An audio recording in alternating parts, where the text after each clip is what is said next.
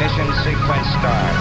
Five, four, three, two, one, zero. Quantum leap. Salto quântico, salto quântico, salto quântico. Quantum Salto quantico. Salto quantico. Salto det du inte visste att du ville veta. Morgens, morgens, gott folk och välkomna än en gång till Kvanthopp tillsammans med mig, Markus Rosenlund. Hoppas allt är väl med er. Här är det bara prima, inte minst för att jag i morse konstaterade för mig själv att det börjar vara ljust om morgnarna strax före åtta då jag lämnar av min yngre son vid förskolan i Esbo. Och det är ju trevligt efter alla dessa kolmörka morgnar. Livet och ljuset återvänder till Norden, hörni. Apropå livet i Norden så ska vi i det här programmet tala om klimatförändringar under historiens lopp. Och det är framförallt en väldigt dramatisk klimatförändring som vi ska koncentrera oss på, den som ägde rum på 500-talet efter vår tideräknings begynnelse. Då ledde två enorma vulkanutbrott till att temperaturen på norra halvklotet sjönk kraftigt och kylan höll i sig i flera år. Skördarna slog fel, väldigt många dog av hunger och runt om i världen satte sig stora folkmassor i rörelse. Det här var långt innan någon hade kommit på termen klimatflyktingar. Klimatforskaren Fredrik Charpentier Ljungqvist från Stockholms universitet säger att händelsen saknar motstycke i Europas historia. Det finns ingen annan period som är lika kall och lika långvarigt kall. Så vi kan tala om en riktig köldchockare. Mm. Hör mer om det här mycket dramatiska kapitlet i klimathistorien om en liten stund här i Kvanthopp. Senare ska vi också sätta punkt för ett annat kapitel, den här gången i rymdfartens historia. Kometlandaren Philae ute på kometen 67P Churyumov-Gerasimenko har nu av allt att döma tystnat för gott. Men den obemannade expeditionen till kometen har långt ifrån varit ett misslyckande. Eh, Kvanthopps frilansare Staffan Forsell har talat med Björn Davidsson från institutionen för fysik och astronomi vid Uppsala universitet han är en av författarna till en färsk artikel i tidskriften Nature om kometen Churyumov-Gerasimenko och dess historia. Bland annat vet vi nu hurdan sammansättning kometen har. Ja, det är is, men eh, inte kompakt is utan is som kanske mer påminner om nyfallen snö med väldigt mycket tomrum i. Uh, ungefär mm. som sockervadd kan man tänka sig konsistensen.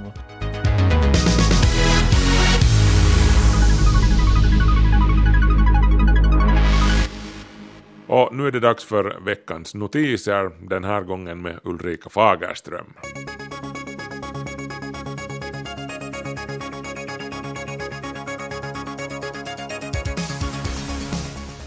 Välkommen med till veckans notiser om forskning och teknik. Vi börjar med fenomenet nätshopping, som många tydligen har tänkt att på ett eller annat sätt kunde vara mer miljövänligt då shopparen inte behöver åka någonstans utan varorna kommer hem. Men nu då nedshoppingen världen över ökar så visar det sig att ja, det här var nog kanske ingen miljögärning. Det visar i varje fall en undersökning som gjorts i den amerikanska staden Newark på den amerikanska östkusten. Det lokala universitetet, University of Delaware, följde under flera års tid trafiken i staden för att se om trafiken minskade i takt med att nedshoppingen ökade. Men det gjorde den ju inte då. Folk körde istället till andra ställen. Men dessutom fick man nu en ny belastning. Den tunga trafiken som kör ut varor som folk köpt på nätet belastade nu plötsligt också bostadsområden där de tidigare inte haft något ärende. Vilket ledde till exempel till större slitage på de vägarna. Sådana områden är, åtminstone i den här amerikanska småstaden, inte planerade för tung trafik och för att till exempel lasta ur varor vid vägkanten. Så det här ledde också till praktiska och trafiksäkerhetsrelaterade problem. Och dessutom medförde dieselmotorerna lokala partikelutsläpp. Nedshopping kräver alltså mindre av affärerna, men det har konsekvenser för logistiken i samhället. Någonting som måste beaktas i samband med stadsplaneringen, konstaterar forskargruppen. Som intressant tilläggskommentar konstaterar forskarna att nedshoppingen minskar behovet av butiksförsäljare men ökar behovet av lastbilschaufförer. På tal om nätshopping, för många är det kanske tankemässigt ett kort steg från nätshopping till dagdrömmeri, som det ska handla om nu. Dagdrömmeri hade nu visat sig i olika studier i måttlig skala nyttigt för kreativiteten. Kreativitet handlar i stort om att tänka på nytt sätt eller kombinera flera tidigare kända saker på ett nytt sätt. Och i den processen är dagdrömmeriet praktiskt. Kreativiteten främjas av uppgifter där tankarna får vandra fritt. I ett test så kunde de som först hade fått dagdrömma i ett senare idétest hitta på flera idéer än de som innan det testet varit tvungna att genomföra andra mentalt krävande uppgifter. Dagdrömmeriet aktiverar ett område längst fram i hjärnan, prefrontala cortex, som hör ihop med att fatta beslut, anpassa sig till sociala sammanhang, empati, omdöme och personlighet. Men samtidigt ska dagdrömmeriet begränsas för det kan ha en emotionell kostnad. Dagdrömmer man väldigt mycket, då befinner man sig aldrig i nuet och det är bara i nuet man kan vara riktigt lycklig, säger Pontus Wassling, forskare i neurofysiologi. Men här tilläggs ännu att brittiska forskare i fjol kom fram till att dagdrömmer man om nära och kära, då resulterar dagdrömmeriet ofta i en känsla av lycka och kärlek. Så det beror lite på alltså vad man tänker på. Vi tror kanske att vår gamla vän månen är utforskad till lust och leda med tanke på att både en och annan har ränt där, men så är det inte. Den rymdsond som Kina skickade upp för ett par år sedan hittade till exempel en helt ny stenart. Den här sonden, Change 3, gav för övrigt världen en massa nya bilder av månen som först nu i slutet av januari publicerades. Men det kommer att bli ännu mer spännande. Kina planerar att skicka upp ett flertal sonder de närmaste åren och nästa sond ska skickas till månens baksida. Ja, det är ju nämligen så att vi här på jorden alltid bara ser samma sida av månen. Den cirklar nämligen runt sin egen axel i samma takt som den cirklar runt jorden. Så rumpan får vi aldrig se. Om man nu kan säga att en rund sak har en baksida. Men vi ser hur som helst fram emot att få veta mer om vår närmaste rymdsten. I sommar kanske du som snorklar eller dyker kan få syn på något helt nytt i cyklopögat. En liten undervattensfarkost av modell Torped som Meteorologiska institutets havsforskning skaffade senaste höst. Den här lilla undervattensroboten, Uivelo, ska kartlägga delar av Östersjön och kan röra sig från ytan ända ner till 200 meters djup. Roboten mäter bland annat temperatur och salthalt, syrenivå, grumlighet och klorofyll. Från och med maj dyker den amerikanskt tillverkade roboten upp i Finska viken och starten sker utanför Hangö. Sitter man på en badstrand tillsammans med ett barn så går kanske diskussionen i något skede till att man undrar var man kommer ut om man fortsätter att gräva i det redan jättestora sandhålet. Kommer man till exempel till Kina då? Nå, tidningen Tiede gick häromdagen längre. De utredde var man de facto kommer ut om man skulle börja gräva i Helsingfors och fortsätta genom hela jorden. Nu går ju det här inte att göra helt i praktiken, men man kan fantisera om allt och dagdrömmeri var ju som sagt bra i måttliga mängder. Nå, antipod kallas den här andra platsen där man kommer ut och Helsingfors antipod den ligger mitt i Stilla havet 500 kilometer sydost om Nya Zeeland. Så nu vet du det.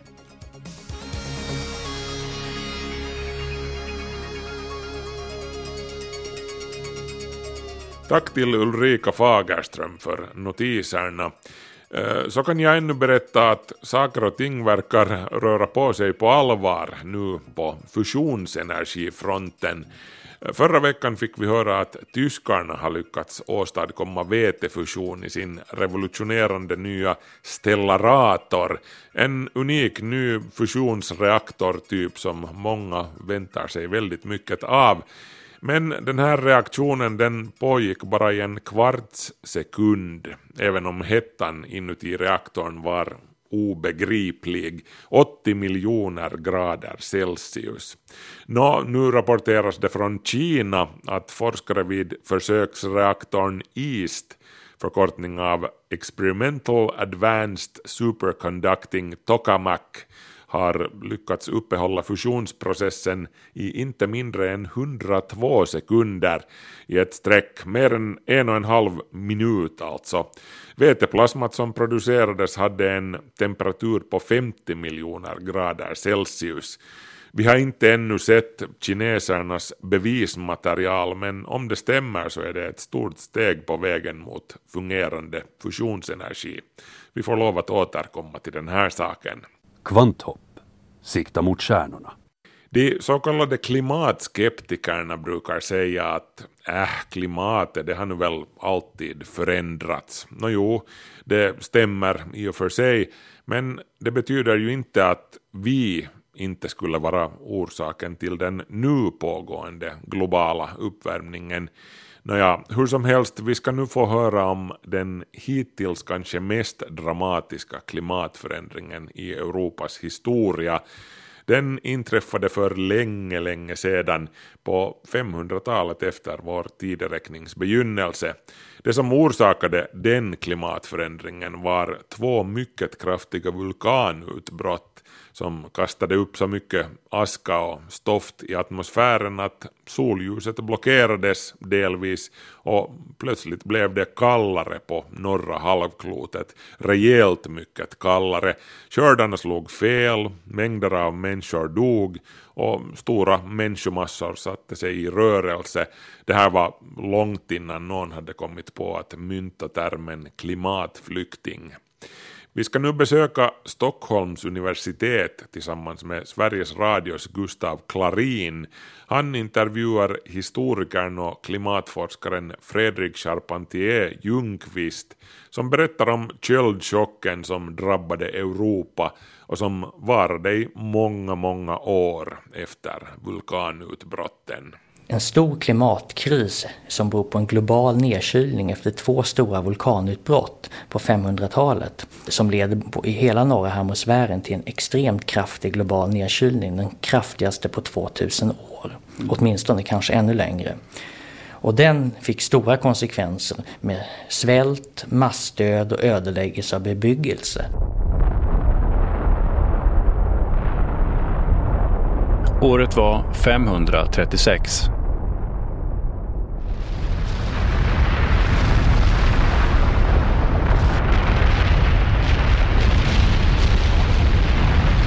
Året var 540. Ja, samhällen slås i spillror, folk svälter och folk dör när jordbruksproduktionen minskar eftersom klimatet kraftigt försämrats på grund av att mängder med vulkaniskt stoff kastats ut i luften. Stoff som leder till att mindre mängder solljus når jorden. Det är oklart var på jorden de här vulkanutbrotten skedde och det är först genom modern forskning som bilden växer fram av det som framstår som den värsta klimatkrisen i Europa de senaste 2000 åren. De här två vulkanutbrotten som man förut, bara för några år sedan, trodde var ett. Eh, man kände till att det var ett ett på 530-talet, man har inte ens förut kunnat datera det säkert, man har förstått att det är 536 på grund av historiska uppteckningar, källor. Men nu har man för några år sedan också hittat i den grönländska och den antarktiska inlandsisen asklager som visar på två gigantiska utbrott. Ett 536 och ett 540. Och det är den här kum kumulativa effekten av de här två jättestora vulkanutbrotten som gör att inte effekten bara blir 1 plus 1 lika med 2 utan det blir 1 plus 1 lika med 3 eller till och med lika med 4, kanske 5. Mm. Och det som väldigt förenklat hände att enorma mängder så kallade aerosoler, vi kan säga vulkaniskt stoff, mm. sändes upp i stratosfären. och stannade där ja, i många år och gjorde att solinstrålningen minskade. Och vi då fick betydligt kallare klimat på jorden, framförallt sommartid. Det är kanske tal om en, på norra halvklotet en global hermosfärisk nedkylning på 2-4 grader. Och någon, även 1600-talet som då var väldigt kallt, kulmen på den kallade lilla istiden. Mm. Det här, där var det kanske nedkylning på någon grad, det kanske var enstaka år som var upp till två grader. Men det här är något som saknar motstycke. Men vad finns det då för belägg för att klimatet drastiskt försämrades efter de två vulkanutbrotten 536 och 540 efter Kristus? Vi har ju nya studier som jag är med varit med i internationella forskningsgruppen, både ryska och europeiska forskare. Också tittat för första gången på bevis över runt om i norra halvklotet var vi kan finna bevis på den här nedkylningen. Det kan vara bevis i form av att glaciärer har växt. Glacier, glaciologer har hittat bevis på det. Det kan vara då årsringar, eh, årsringserier från träd som visar på att årsringar var väldigt smala och väldigt kallt då. Mm. Det kan vara andra typer av kemiska och biologiska eh, signaler i sjösediment och även historiska dokument. Och det vi sammantaget kunnat hitta är att den här nedkylningen hittar vi på alla kontinenter på norra halvklotet. Sannolikt också på del, stora delar av södra halvklotet. Och den verkar allra kraftigast, och det är något nytt som vi har funnit, allra kraftigast i det inre av Asien där nya årsringsserier från träd har tagits fram. Och där man då kunnat se att där är det från 536 ungefär 100 år framåt de smalaste trädringarna de senaste 2000 åren.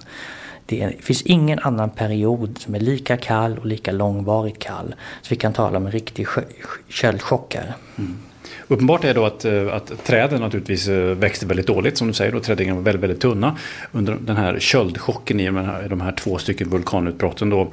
Vad kan du säga om hur eh, vad hände med, med, med människorna i, i, i Europa under den här svåra perioden? Vad vet ni om det?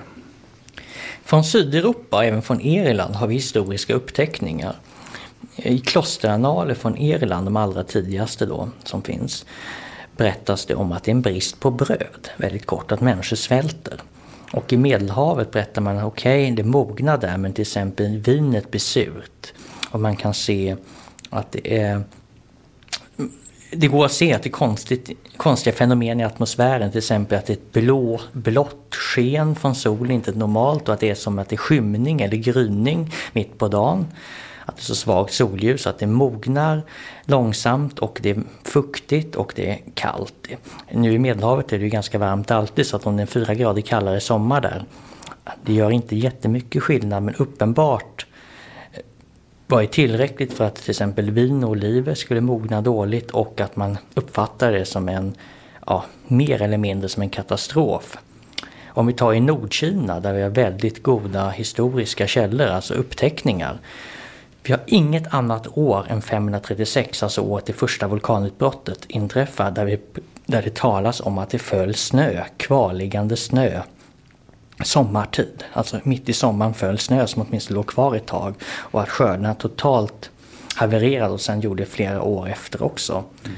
Och där ledde vet vi också till massdöd. Vi har ju en del tidiga folk, vi kan säga ungefär folkbokföringsuppgifter motsvarande skattelängder och så i Kina. Och eh, kinesiska amerikanska forskare som har tittat på de här har hittat att här är det alltså frågan om att det är massor med människor som dör, det är massor med elände. Och här uppe i Skandinavien och runt Östersjön har vi ingen annan epok de senaste 5000 åren där det är en så stor omläggning av bebyggelse. Det har man känt till, arkeologerna har känt till det länge. Men man har inte kunnat riktigt ha en orsak till varför bebyggelsen krymper, många bosättningar överges och andra bosättningar ändrar plats. Och vi har också kunnat se från pollenanalyser, där vi känt till i årtionden, att stora områden växer igen med skog igen som har varit öppen jordbruksmark i ibland mer än tusen år. Så det är uppenbart att det är en stor avfolkning, både i norra Kina och i norra Europa. Och den här nedkylningen är en, ja, en sannolik skurk till detta för att med, eh, med flera grader kallare somrar som också är mycket fuktigare Vi vet ju från, vi bara tittar på 1800-talet, missväxtår i Sverige, vad som hände sådana här somrar som inte är lika extrema. Det är på många håll brödsäden inte mognar, hö ruttnar, svårt att ta in eh, då för övervintrande djur. Och när det här pågår ett antal år kommer det i ett sånt här förmodernt samhälle på många håll, om man inte kan komplettera det istället med fiske, eh, säg eh, jakt eller så, som man kunde på vissa håll, då kommer det leda till en försörjningskris och till och med att människor svälter ihjäl. Intressant nog har vi sett att den här avfolkningen verkar mindre i Norge, där man kompletterar mer med just fiske till exempel, vid kustområden i Norge. Och det där kan vi se även längre fram i historien när det varit väldigt kalla, fuktiga år med missväxt eller sommarfrost eller så, som orsakat att skörden har frusit. Till exempel i vissa områden i Norrland har man klarat sig väldigt bra, mycket bättre än till exempel nere i söder, i Skåne. Mm. På grund av att man har haft fiske, jakt och kanske också haft tillverkat hantverksprodukter, tagit fram myrmalm eller annat som man kunnat byta till sig, köpa mat helt enkelt. Säger Fredrik Charpentier Ljungqvist som är historiker och klimatforskare på Stockholms universitet. Och jag undrar om man kan prata om klimatflyktingar? Ja, man kan tala om att under 500-talets eh, nedkylning, köldchock, kan vi se att en hel del folk från Centralasien började trycka på både i norra Kina och i östra Europa. Eller, till exempel, och tryckte på andra folk och flyttade in där. Vi har väldigt dåligt äh, källor till varför man gjorde det men vi kan förstå att det var så att med en väldigt mycket kallare klimat var det kortare betessäsong och mindre gräs för de här nomadfolken i Centralasien, särskilt som nedkylningen var särskilt kraftig i Centralasien. Och det var ju då en längre säsong kan vi vara säkra på med snö och, väx, och kortare sommar växte sämre. Och då flyttade man till områden där det fanns bättre utkomstmöjligheter eller helt enkelt kanske var färre människor som de här områdena kunde försörja. Vi kan kalla det klimatflyktingar men det här, de här nomadstammarna uppfattades nog inte som flyktingar utan de passade på att trycka på åt andra håll då mot Kina och mot Europa där det fanns bättre utkomst och också gick att plundra eller fanns områden som var glesbefolkade man kunde flytta in i. Och det här hade ju också andra nomadfolk från stäpperna gjort in, århundraden innan utan att det var drivet av klimatet. Till exempel när det romerska imperiet började vittra. Då fanns det både en, då fanns liksom en pullfaktor att komma dit, både för att kunna plundra men också att kunna ta ja, känns som legoknäktar. Eller pröva områden där det fanns bättre möjligheter liksom. Där man inte längre var utestängd. Eh, så att det går inte att säga att folkvandringstiden är orsakad av den här nedkylningen på 500-talet. Folkvandringstiden har redan börjat innan mm. och den hade en mängd olika orsaker. Men den här kraftiga köldchocken, det är ingen tvekan om att den drev på. Men jag undrar hur väl man idag kan belägga att det försämrade klimatet verkligen gav upphov till att hela folk flyttade på sig? Ja, även om källorna är dåliga verkar det som att vissa, till exempel turkisktalande steppnomader och andra steppnomader som både ungefär samtidigt dyker upp i norra Kina och östra Europa. Eh, att det är ganska sannolikt att vissa av de här eh, folkrörelserna, åtminstone pådrivna i stor utsträckning av att det är dåliga förhållanden på stepperna med väldigt kort vegetationssäsong, väldigt kallt och väldigt svårt att föda upp tillräckligt med boskap och hästar. Mm. Men vi ska komma ihåg att det, det är en pushfaktor som driver dem därifrån. Men att de kommer och kan komma in i både Kina och Europa det beror ju på politiska och sociala omständigheter också i de här områdena. Och också både Europa och Kina var ju försvagat av den här eh, stora nedkylningen och de och en svält som hade följt och också minskade skatteintäkter och andra saker. Så det finns en klimatkomponent. Och, eh, men det är inte den enda orsaken men det är, en, det är säkerligen en viktig komponent. Men som man inte var nog med att klimatet försämrats kraftigt så blossar plötsligt en förödande pestepidemi upp, den så kallade justinianska pesten. För främst Europa och delar av Asien så kan man nog använda den slitna klichén. En olycka kommer sällan ensam. Det stämmer alldeles utmärkt. När nedkylningen var som allra värst efter andra vulkanutbrottet eh, År 541 kom den justianska pesten, en enorm pestepidemi till både Europa, Centralasien och Mellanöstern. Och det är beräknat att upp till 100 miljoner människor dog i den här pestepidemin som varade ett par årtionden. Konstantinopels befolkning till exempel nästan halverades redan första och andra året av den här pestepidemin. Och att pesten bröt ut, det är inte bevisat men mer och mer forskning tyder på att en av anledningarna till att den bröt ut kan vara att den här kraftiga nedkylningen fick olika små gnagare som bor i bergen i Centralasien att röra sig ner till lägre höjder på grund av kanske kyla, mycket snö, eh, förändringar i nederbörd och annat som följde den här kraftiga nedkylningen. Så att de kom i kontakt, de här gnagarna som bär på pestbakterien, i kontakt med människor och med karavanrutterna.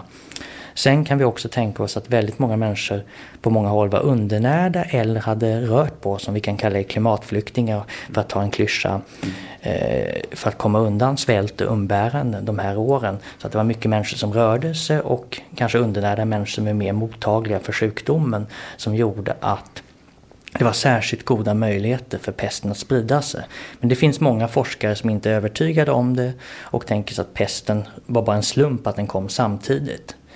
Men eftersom digerdöden, en motsvarande stor pestepidemi som kom på mitten av 1300-talet, också kom, inte när det var exceptionellt kallt, men kom när det var ett antal kalla, fuktiga år. Och också varit en klimatförändring, mycket mindre drastisk, men ändå början av lilla istiden. Kan man tänka sig att eh, det kanske finns någon koppling, det är rätt mycket som talar om att det finns en koppling mellan att pesten just får god spridning och klimatet, även om det inte liksom är en linjär koppling.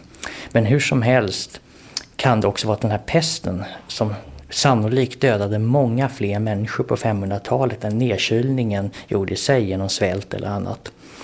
Utan den här pesten, det är fel att säga att den knäckte eh, områden runt Medelhavet och så, men den ledde till en massdöd liksom, utan dess like. Och det kan vi ju se runt om i Europa, från norr till söder, är det en kraftig ödeläggelse av bebyggelse och eh, en befolkningsminskning. Stora delar av Europa växer igen med skog och sen framåt medeltiden öppnas Europa upp igen. Eh, nu är det på många håll samtidigt det finns stor bebyggelse kvar och blomstrande samhällen så det är inte en total kollaps men det är ändå en av de mest drastiska förändringarna i Europas historia, säger de senaste 2000 åren. Mm. Som historiker eh, och, och klimatforskare så blickar du bakåt i din forskning. Eh, känns det jobbigt om du får en fråga om framtiden? Hur ska vi klara av det här nu då?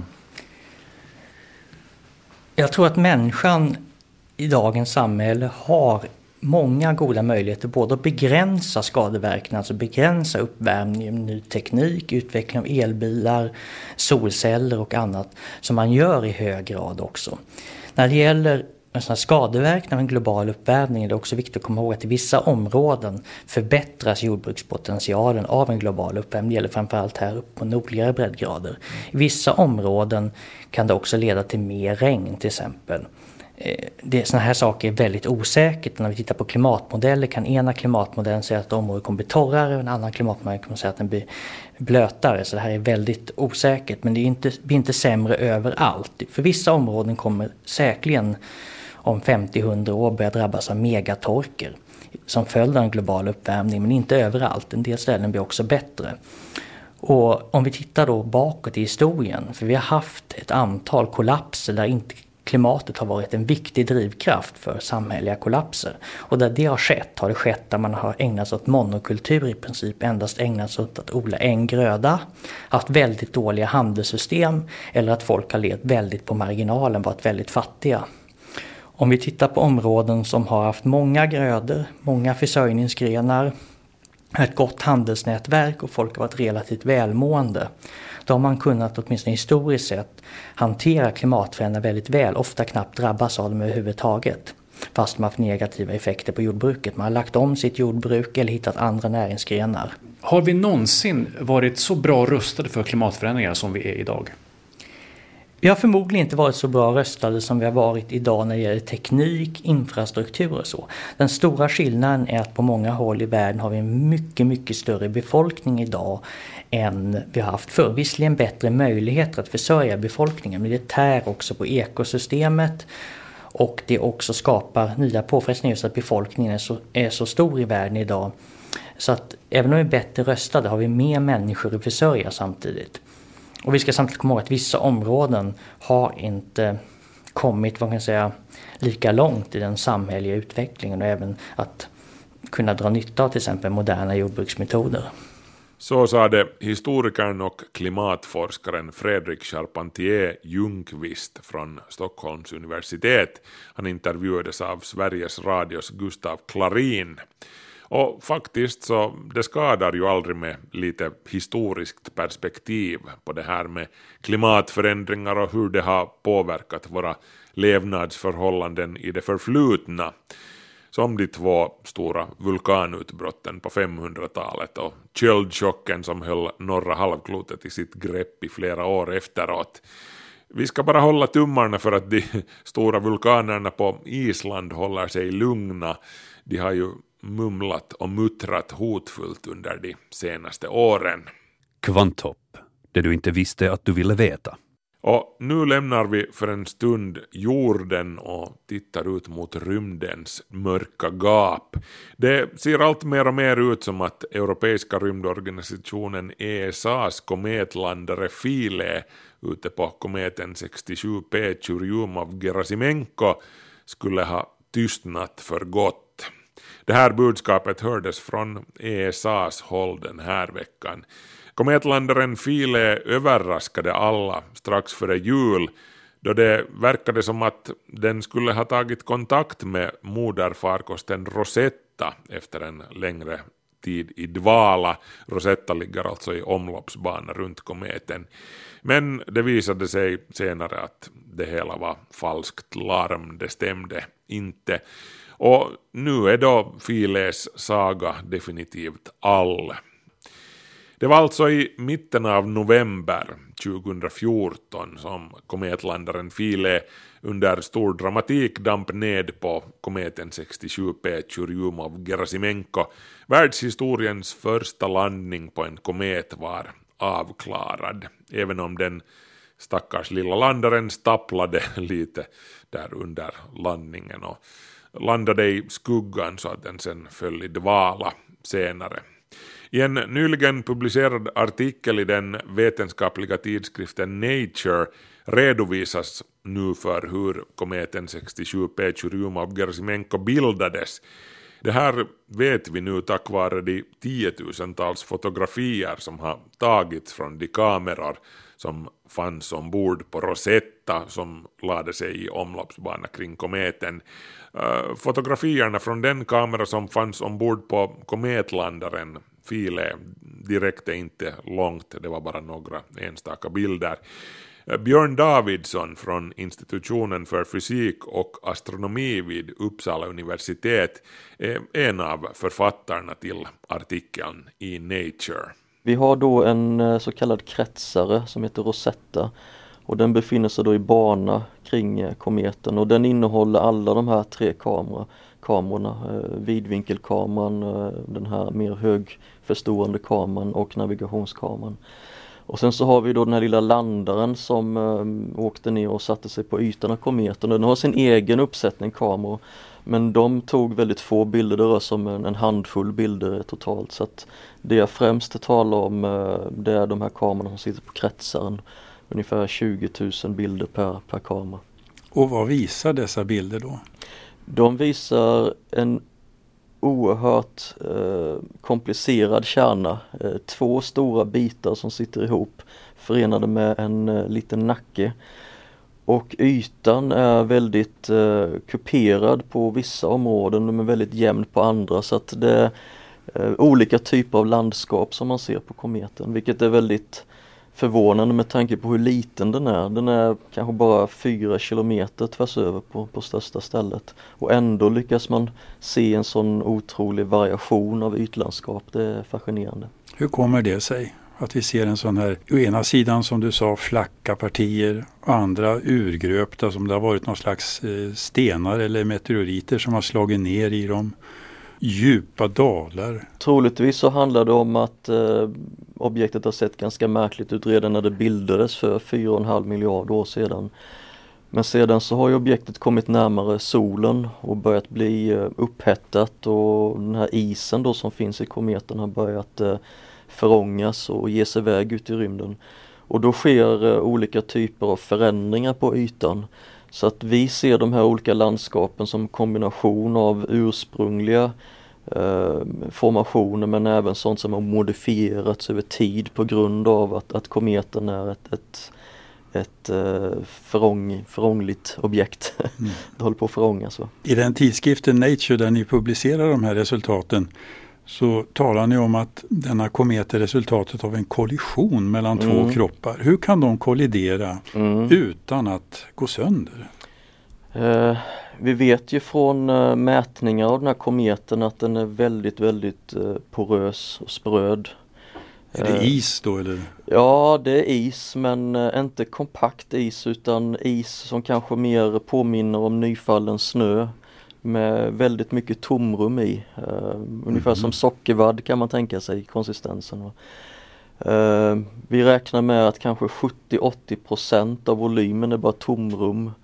Och det är alltså finfördelade små håligheter som sitter i, i kometen och som ger den den här väldigt låga eh, densiteten och höga porositeten.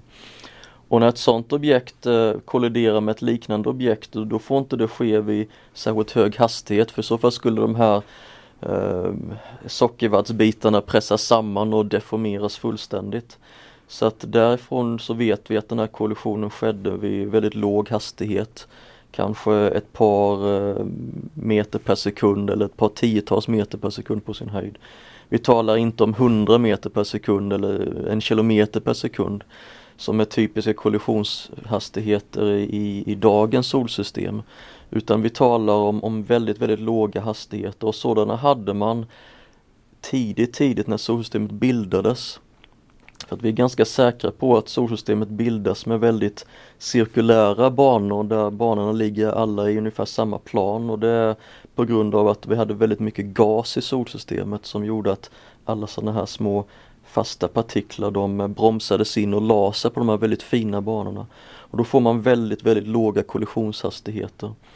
Och det är först vid ett senare tillfälle när all den här gasen har försvunnit och de här kropparna börjar så att säga hetsa upp varandra och göra att banorna blir mer och mer excentriska och avviker mer och mer från ett gemensamt plan så man börjar få sådana här våldsamma kollisionshastigheter på kanske 10 eh, eller 100 meter per sekund eller till och med flera kilometer per sekund. Så att den här rackaren eh, har byggts väldigt, väldigt tidigt i solsystemets historia när kollisionshastigheterna var så låga att två sådana kroppar kan, faktiskt kan överleva en kollision. Och vad berättar då denna komet om solsystemets ursprung och utveckling? Eh, den berättar väldigt mycket. Ehm, en av de saker som gjorde att vi blev säkra på att det faktiskt rörde sig om två klumpar som kolliderade snarare än att, en, att det var en enda stor klump som blivit urgröpt på grund av den här förångningen som jag pratade om. Ehm, det är att vi ser att det finns eh, bestämda lager på kometen. Eh, det ser ungefär ut som en, som en lök, att man har koncentriska lager som ligger ovanpå varandra. Och det roliga är att de här två loberna som kometen består av, de här två klumparna, de har eh, sina egna lager. Det är alltså två stycken lökar med sina egna distinkta lager. Va? Och vi kan se att, att eh, de här lagren försvinner in under den här nacken. Va? Och det betyder att de här loberna har bildats var för sig. De har byggt upp de här lagren på ett eller annat sätt och sen så i ett senare skede så har de fört samman och kolliderat. För man skulle inte bygga lager som ser ut på det viset eh, på en enda enskild stor kropp utan det är två klumpar som har slagits samman. Och båda de här sakerna, både förekomsten av de här lagren och det faktum att två kroppar har mötts i rymden med låg hastighet och kolliderat, det säger väldigt mycket om den miljö i vilken kometerna byggdes. Vad säger det? Eh, den säger till exempel det här att det som vi på teoretisk väg har så att säga förutspått då eller filosoferat kring nämligen att, att man hade eh, en viss typ av miljö i solsystemets historia där, eh, där kollisionshastigheten till exempel var väldigt, väldigt låga. Att, att det helt enkelt bekräftas av de här observationerna. Och det är så man alltid arbetar i vetenskap, att man gör hypoteser beroende på Eh, vår eh, fysikaliska förståelse av, av universum och den förståelsen kan ibland vara begränsad så vi kanske håller på att gå åt fel riktning och därför måste man alltid verifiera sina idéer genom att titta på naturen, hur den faktiskt uppför sig. Va? Och genom att jämföra då observerade egenskaper med våra teoretiska förutsägelser och när man hittar en samstämmighet däremellan då kan man börja vara säker på att man verkligen har förstått någonting. Så fotografierna har bekräftat matematiken. Det skulle man kunna säga. Eh, Den har bekräftat eh, en av kanske flera olika möjliga scenarier som man skulle kunna tänka sig. Och det är spännande. Det var Staffan Forsell som hade talat med Björn Davidsson från institutionen för fysik och astronomi vid Uppsala universitet. Kvanthopp snabela yle.fi. Jaha, hörni, så fort tickar den klockan att vi har nått den sista punkten på agendan för dagens kvanthopp. Och då talar jag om vår nya serie, vår nya långkörare. Får se hur långt vi kommer den här gången. Eh, grundämnena hann vi ju avverka ett för ett ända till det periodiska systemets slut. Men E-numrar finns det lite fler av än det finns grundämnen. Så därför är den här serien i form av ett lotteri. Får se på vilket E-nummer hjulet stannar den här veckan. Kvanthopp presenterar veckans E-nummer. Och veckans nummer är E621 natriumglutamat, också kallat MSG efter engelskans monosodium glutamate. Det är få tillsatsämnen som det har snackats om lika mycket som natriumglutamat, vars påstådda skadeverkningar har ältats fram och tillbaka ända sedan 1980-talet. Hittills har ingen hur som helst lyckats bevisa att det skulle vara skadligt, åtminstone i de mängder som används i normal matlagning. Natriumglutamat som alltså är ett salt av glutaminsyra förekommer naturligt i flera olika sorters livsmedel, bland annat tomat, parmesanost, potatis, ärtor, valnötter, kött och svampar. Glutaminsyra är också en viktig ingrediens i bröstmjölk. Men natriumglutamat används alltså också som ett smakförstärkande tillsatsämne i livsmedel, till exempel i buljong och det är då det har E-numret E621. Den maximala tillåtna mängden som det relevanta EU-direktivet tillåter är då 10 gram per kilogram livsmedel. Natriumglutamat är särskilt vanligt i det asiatiska köket. Det talas till och med om det så kallade kinesiska restaurangsyndromet som vissa menar att de har upplevt när de har ätit stora mängder kinamat. Det här inkluderar huvudvärk, svettning och halsbränna, till och med raseriutbrott. Men inget av det här har alltså kunnat bevisas vetenskapligt, trots att natriumglutamat inte bara är tillsatsämnet som det har snackats mest om, utan också tillsatsämnet som man har forskat mest i. Vissa allergiska reaktioner har noterats men de är i regel lindriga och går fort över.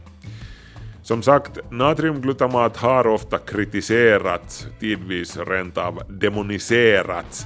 Det här har till och med fått kritikerna av kritiken att spela ut rasismkortet. Den amerikanska matkritikern Jeffrey Steingarten har till exempel sagt att rädslan för natriumglutamat är ett tecken på västcentrerat kulturrasistiskt tänkande som bottnar i natriumglutamatets centrala roll i den asiatiska matlagningen.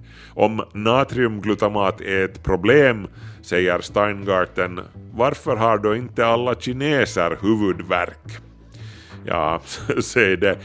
Det förekommer alltså mycket tyckande kring natriumglutamat, men det vet vi med säkerhet att natriumglutamat stimulerar vissa av tungans smaklökar, vissa särskilda aminosyrareceptorer och glutamatreceptorer och åstadkommer därmed den så kallade femte grundsmaken kallad umami de fyra övriga smakerna är ju sött, surt, salt och beskt.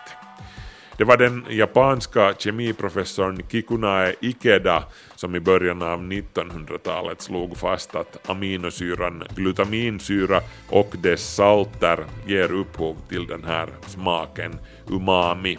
Det var alltså han som myntade ordet umami som betyder välsmakande eller färsk på japanska Kontroverserna kring natriumglutamatet har fått centralköken här i Finland att åtminstone delvis minska på användandet av natriumglutamat. Till exempel i Esbo, Jakobstad och Borgo har man gått över till natriumglutamatfri skolmat. Det här har dock i vissa fall lett till att konsumtionen av salt har ökat när maten har upplevts som smaklös. Själv minns jag för evigt smaken av aromsaltet aromat som min egen mormor blandade i så gott som all mat som hon tillredde när jag var liten. För mig symboliseras natriumglutamat av mormors köttgryta som smakade väldigt mycket umami. Eh, jag fick säkert i mig kilovis av natriumglutamat som barn och blev jag sämre av det? Tja, men Gott var det hur som helst. Du har hört ett avsnitt i Kvanthopps serie om tillsatsämnen, E621 natriumglutamat. Nästa vecka lottar vi ut ett nytt E-nummer.